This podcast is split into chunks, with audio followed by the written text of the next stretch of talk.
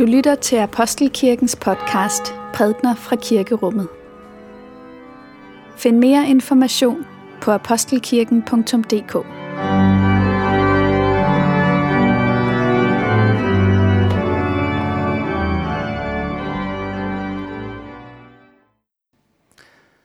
Retfærdige Gud, se noget til os, når vi i selvtilfredshed dømmer andre – Forbarm dig over os, når vi i fortvivlelse dømmer os selv. Send os din frigørende ånd, så vi bliver revet ud af vores selvkredsen og mister lysten til at dømme. Lær os alene at hvile i, hvad vi er for dig i Jesus Kristus, i lyset af hans lidelse og død. For han er den, der alene skal dømme, og hans dom er gyldig fra evighed og til evighed. Amen.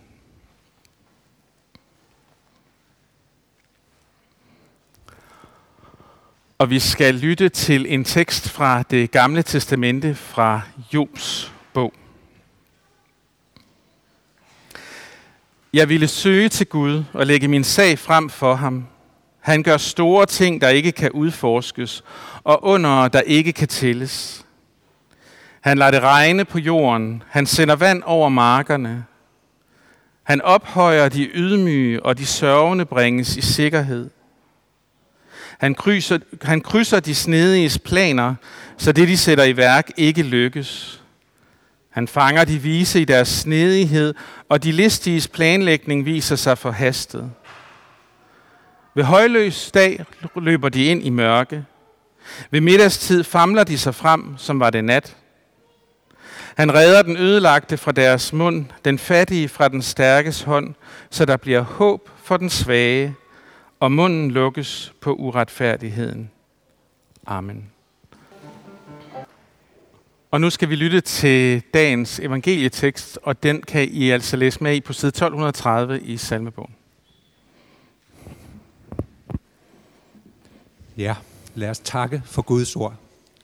For Guds, Guds ord i skriften for Guds ord i blandt os, for Guds ord inden i os, takker vi dig, Gud. Til nogle, som stolede på, at de selv var retfærdige, og som foragtede alle andre, fortalte Jesus denne lignelse. To mænd gik op til templet for at bede. Den ene var en farisær, den anden en toller. Farisæeren stillede sig op og bad således for sig selv. Gud, jeg takker dig, fordi jeg ikke er som andre mennesker.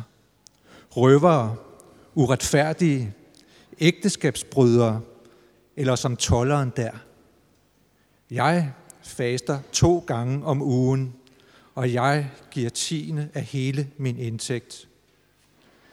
Men tolleren stod afsides og ville ikke engang løfte sit blik mod himlen, men slog sig for brystet og sagde, Gud, vær mig sønder nådig. Jeg siger jer, det var ham, der gik hjem som retfærdig, ikke den anden. For enhver, som ophøjer sig selv, skal ydmyges, og den, der ydmyger sig selv, skal ophøjes. Nogle gange skal man starte med pointen, har jeg engang lært på et kursus. Øh, ydmyghed, det er godt. Fordi Jesus var ydmyg, og øh, det er ham, vi skal følge efter i vores liv. Og så har jeg så lidt mere at sige end det. For, øh, for det at være ydmyg og det at tale om ydmyghed, det er altså ikke en modsætning til, at Gud han tænker om os, om mennesket, at vi er underfuldt skabt, at vi er værdifulde. Tværtimod, det er ikke en, en modsætning. Måske så er det faktisk igennem ydmygheden, at vi bliver til større mennesker, at vi bliver mere menneske. Den gamle trappistmunk øh, Thomas Merton, han siger, vi bliver mindre forlorene og mere sande mennesker af ydmygheden, siger han. Og mennesker, det er jo det, er jo det vi er, er skabt til at være. Det er det, vi skal være. Men det at gå ydmyghedens vej, det er ligesom noget, man skal sige ja til. Man skal tillade den vej ligesom at præge sig. Fordi det er det, det er. Det er en vej at vandre på. Det er en indstilling til livet, som handler om, hvordan man ser på sig selv, hvordan man ser på sit medmenneske, hvordan man ser på Gud. Ydmyghedens vej er en vej, der fører os dybere ind i afhængigheden af Gud, af kærligheden til Gud. Kærligheden til sig selv, kærligheden til medmennesket, det at give sig selv hen for andre mennesker, det er det, som den vej fører os ind i. Og det kan jo sådan være en lille smule vanskeligt at tale om ydmyghed, fordi lige så snart man løfter det op, så er det ligesom om, at det forsvinder. Fordi det er jo ikke i ydmyghedens natur, ligesom at, øh, at kræve opmærksomhed for sig selv. Der, der er ikke nogen verdensmesterskaber i ydmyghed. Det, det, det kan ikke rigtig øh, lade sig gøre. Og et ydmygt menneske søger jo netop ikke at blive fremhævet øh, på grund af sin, sin ydmyghed. Det, det gør det sådan lidt, måske lidt svært at tale om, men, men vi kender det måske godt, når vi ser det og når vi møder det. Øh, vi kender de slags mennesker, som bare er ydmyge. De, lad, de lader ikke, som om de er det. De, de er det bare. ydmyghed tror jeg er noget, det er svært at lade som om. Det, kan ikke, øh, det er ikke noget, man sådan lige kan tage på, eller presse frem, eller forsere, hvis ikke det er, hvis ikke det er ægte. Og hvordan, hvordan ser sådan et liv ud? Et liv i ydmyghed. Når Jesus i den beretning, som vi lyttede til, han taler om, at den, der ophøjer sig selv, skal ydmyges, og den, der ydmyger sig selv, skal ophøjes, så tror jeg godt, vi må høre sådan lidt en profetisk tone, der handler om øh, Jesu egen korsfæstelse.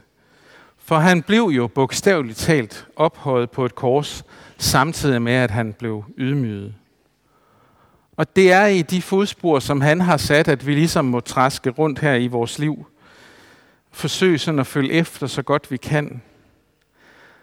Og det er der jo mange parametre, hvor vi kan gøre, men det her med ydmyghed er, er måske noget af det mest vanskelige at gribe om. Fordi det vi ved om Jesus og det vi lærer at kende om ham, det også siger noget om, at ydmyghed ikke bare er sådan en disciplin, man kan krydse af og sige, nu har jeg gjort det. Ydmyghed, det er ligesom det er ligesom noget, man skal formes ind i. Det er noget, man skal blive mere, end det er noget, man skal gøre. Hvis man går ned i et træningscenter, har jeg hørt, så kan man øh, dernede sådan vælge at fokusere på forskellige muskelgrupper, som man gerne vil have, have trænet. Steder i kroppen, som har brug for at blive styrket, øh, strukket osv. På at blive rørt. Og jeg tænker egentlig lidt, at ydmyghed på samme måde er noget, vi godt kan træne os i, vi kan øve os i. Vi kan i hvert fald prøve at øve os i ikke at søge bort fra ydmygheden, som måske godt kan ligge som sådan en umiddelbar øh, ting hos os, at det, det, det kræver noget af os, som måske er udfordrende. Og hvordan kan vi øve os i ydmyghed? Jamen det kan vi jo ved at søge fællesskabet med Gud. Øh, det kan vi ved at bekende vores synder, ved at indrømme vores fejlvurderinger og være realistiske omkring det, vi aldrig fik gjort, som vi skulle have gjort. Hvor kort og godt stå ved vores begrænsninger over for Gud. De begrænsninger, som vi altid bærer på over for Gud. Gud, som er ubegrænset. Men altså, man kan også godt gå ind i, i sådan et træningscenter og bare stå og glo på alle de andre, og øh, kigge på maskinerne og tænke, nu har jeg set den. Det, det tror jeg ikke, man får så meget ud af, men det kan godt være, at man skal betale noget for, øh, for at gøre det alligevel. Og jeg kom sådan til at tænke på det der billede med træningscenteret, da jeg, da jeg læste fortællingen her om de her to mennesker, som Jesus ligesom tegner op for os, farisæeren og tolleren. Så vi har den selvretfærdige skriftkloge, og Jesus henvender sig jo til dem, som, som troede, de var sådan retfærdige i, i, i egen kraft. Den selvretfærdige skriftkloge, som tilhører sådan den ledende religiøse fraktion, og så tolleren, som samarbejder med besættelsesmagten og er foragtet, og alle ved, at han, at han stikker nok lidt øh, i, i lommerne selv af det, som han, han kræver ind. Og se, hvis det her nu var en fabel, et eventyr, så var der en, der var god, og der var en, der var ond. Men sådan er det ikke, når Jesus fortæller historier. Det er ikke øh, eventyr, det er lignelser, det er lidt noget andet.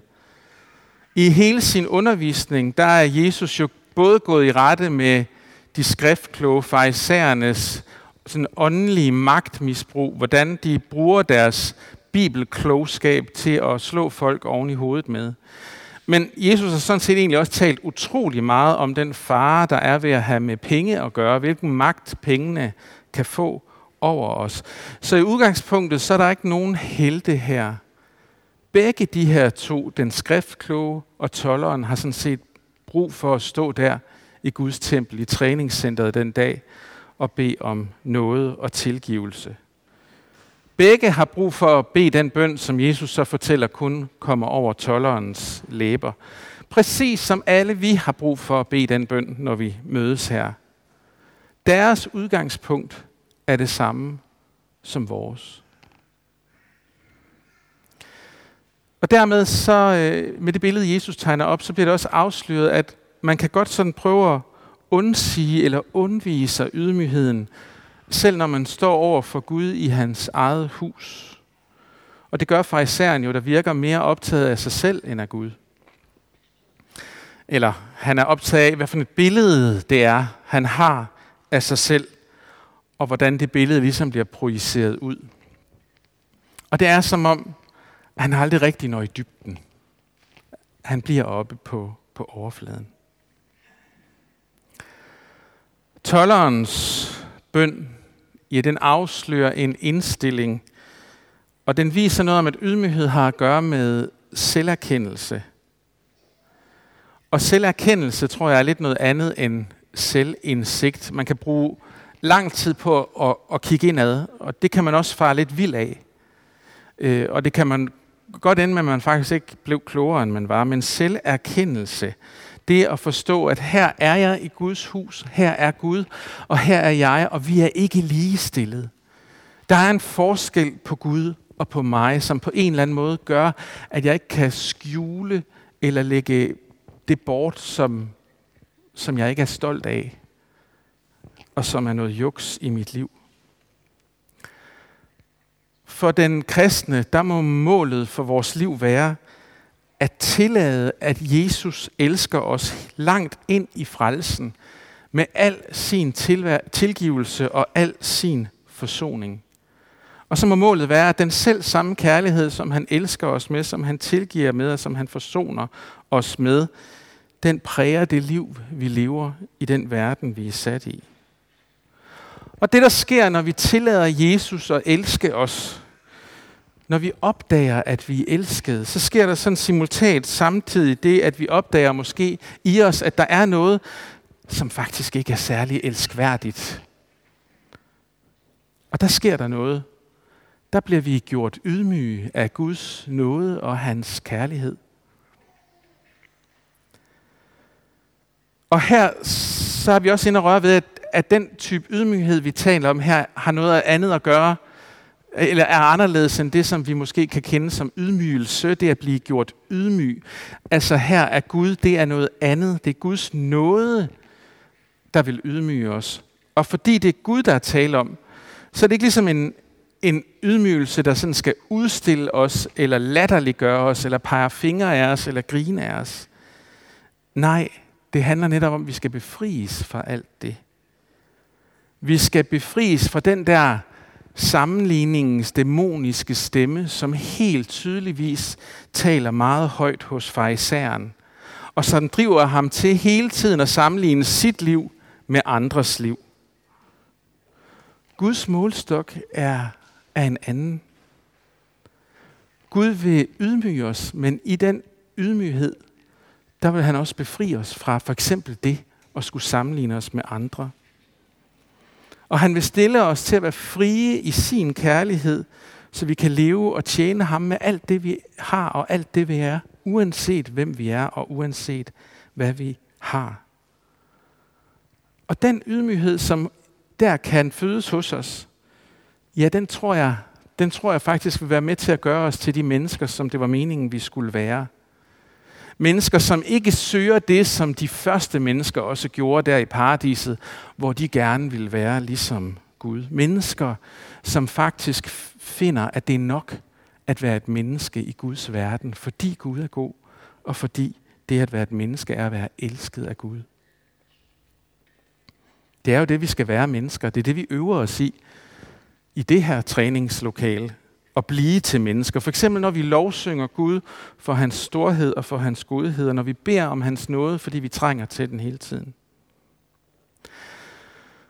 Og det kan godt opleves ydmygende, hvis man sådan gerne sådan vil ligge øverst i sit eget liv. Men altså, det er også befriende, at over for Gud, der må vi starte med at give op. Altså, vi behøver sikkert stille, stille noget fint frem her, og lade sig om, eller forstille os. Alt det, som er i vores liv, det bliver set. Og ved I hvad? Det er fint, at det er Gud, der ser det. Så der er sådan set egentlig kun én ting at gøre, det er at bøje os over for ham, som gennem ydmyghed blev ophøjet. Og nogle af jer vil kende øvelsen fra nadverbordet, hvor vi sådan, mange af os sådan helt fysisk øh, knæler ned, hvor vi bøjer os, og hvor den opstandende ligesom kommer til os og rækker os sig selv og sit liv og sin fred. Og som øh, vores kirkefar Augustin han siger det, så er det kun guddommelig ydmyghed, der kan rejse os op igen, og det er præcis det, som han vil. Han vil rejse os op igen. Jesus slutter med at sige, at den, der ydmyger sig selv, skal ophøjes. Og de fleste af os har stadigvæk lidt den der sammenligning hos os, så vi kigger på de to, og vi kigger på farisæeren, og vi tænker, nej, ham har jeg ikke lyst til at ligne. Det, det er ikke ham, jeg skal ligne i dag.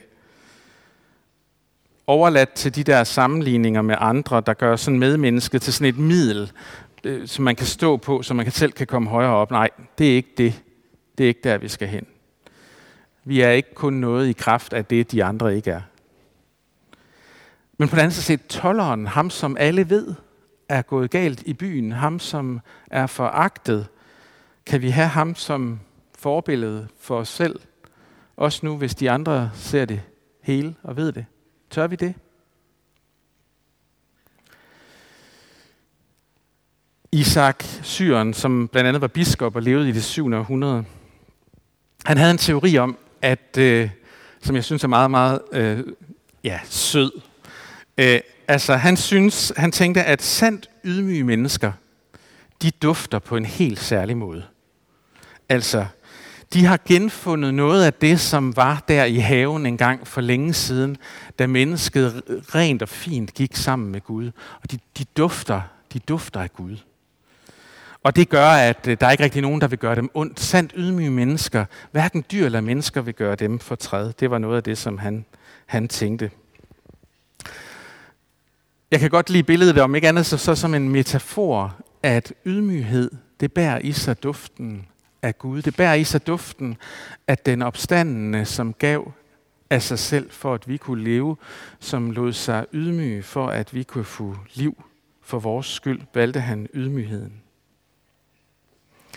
Så lad os øve os i at bede den bøn, som tolleren beder.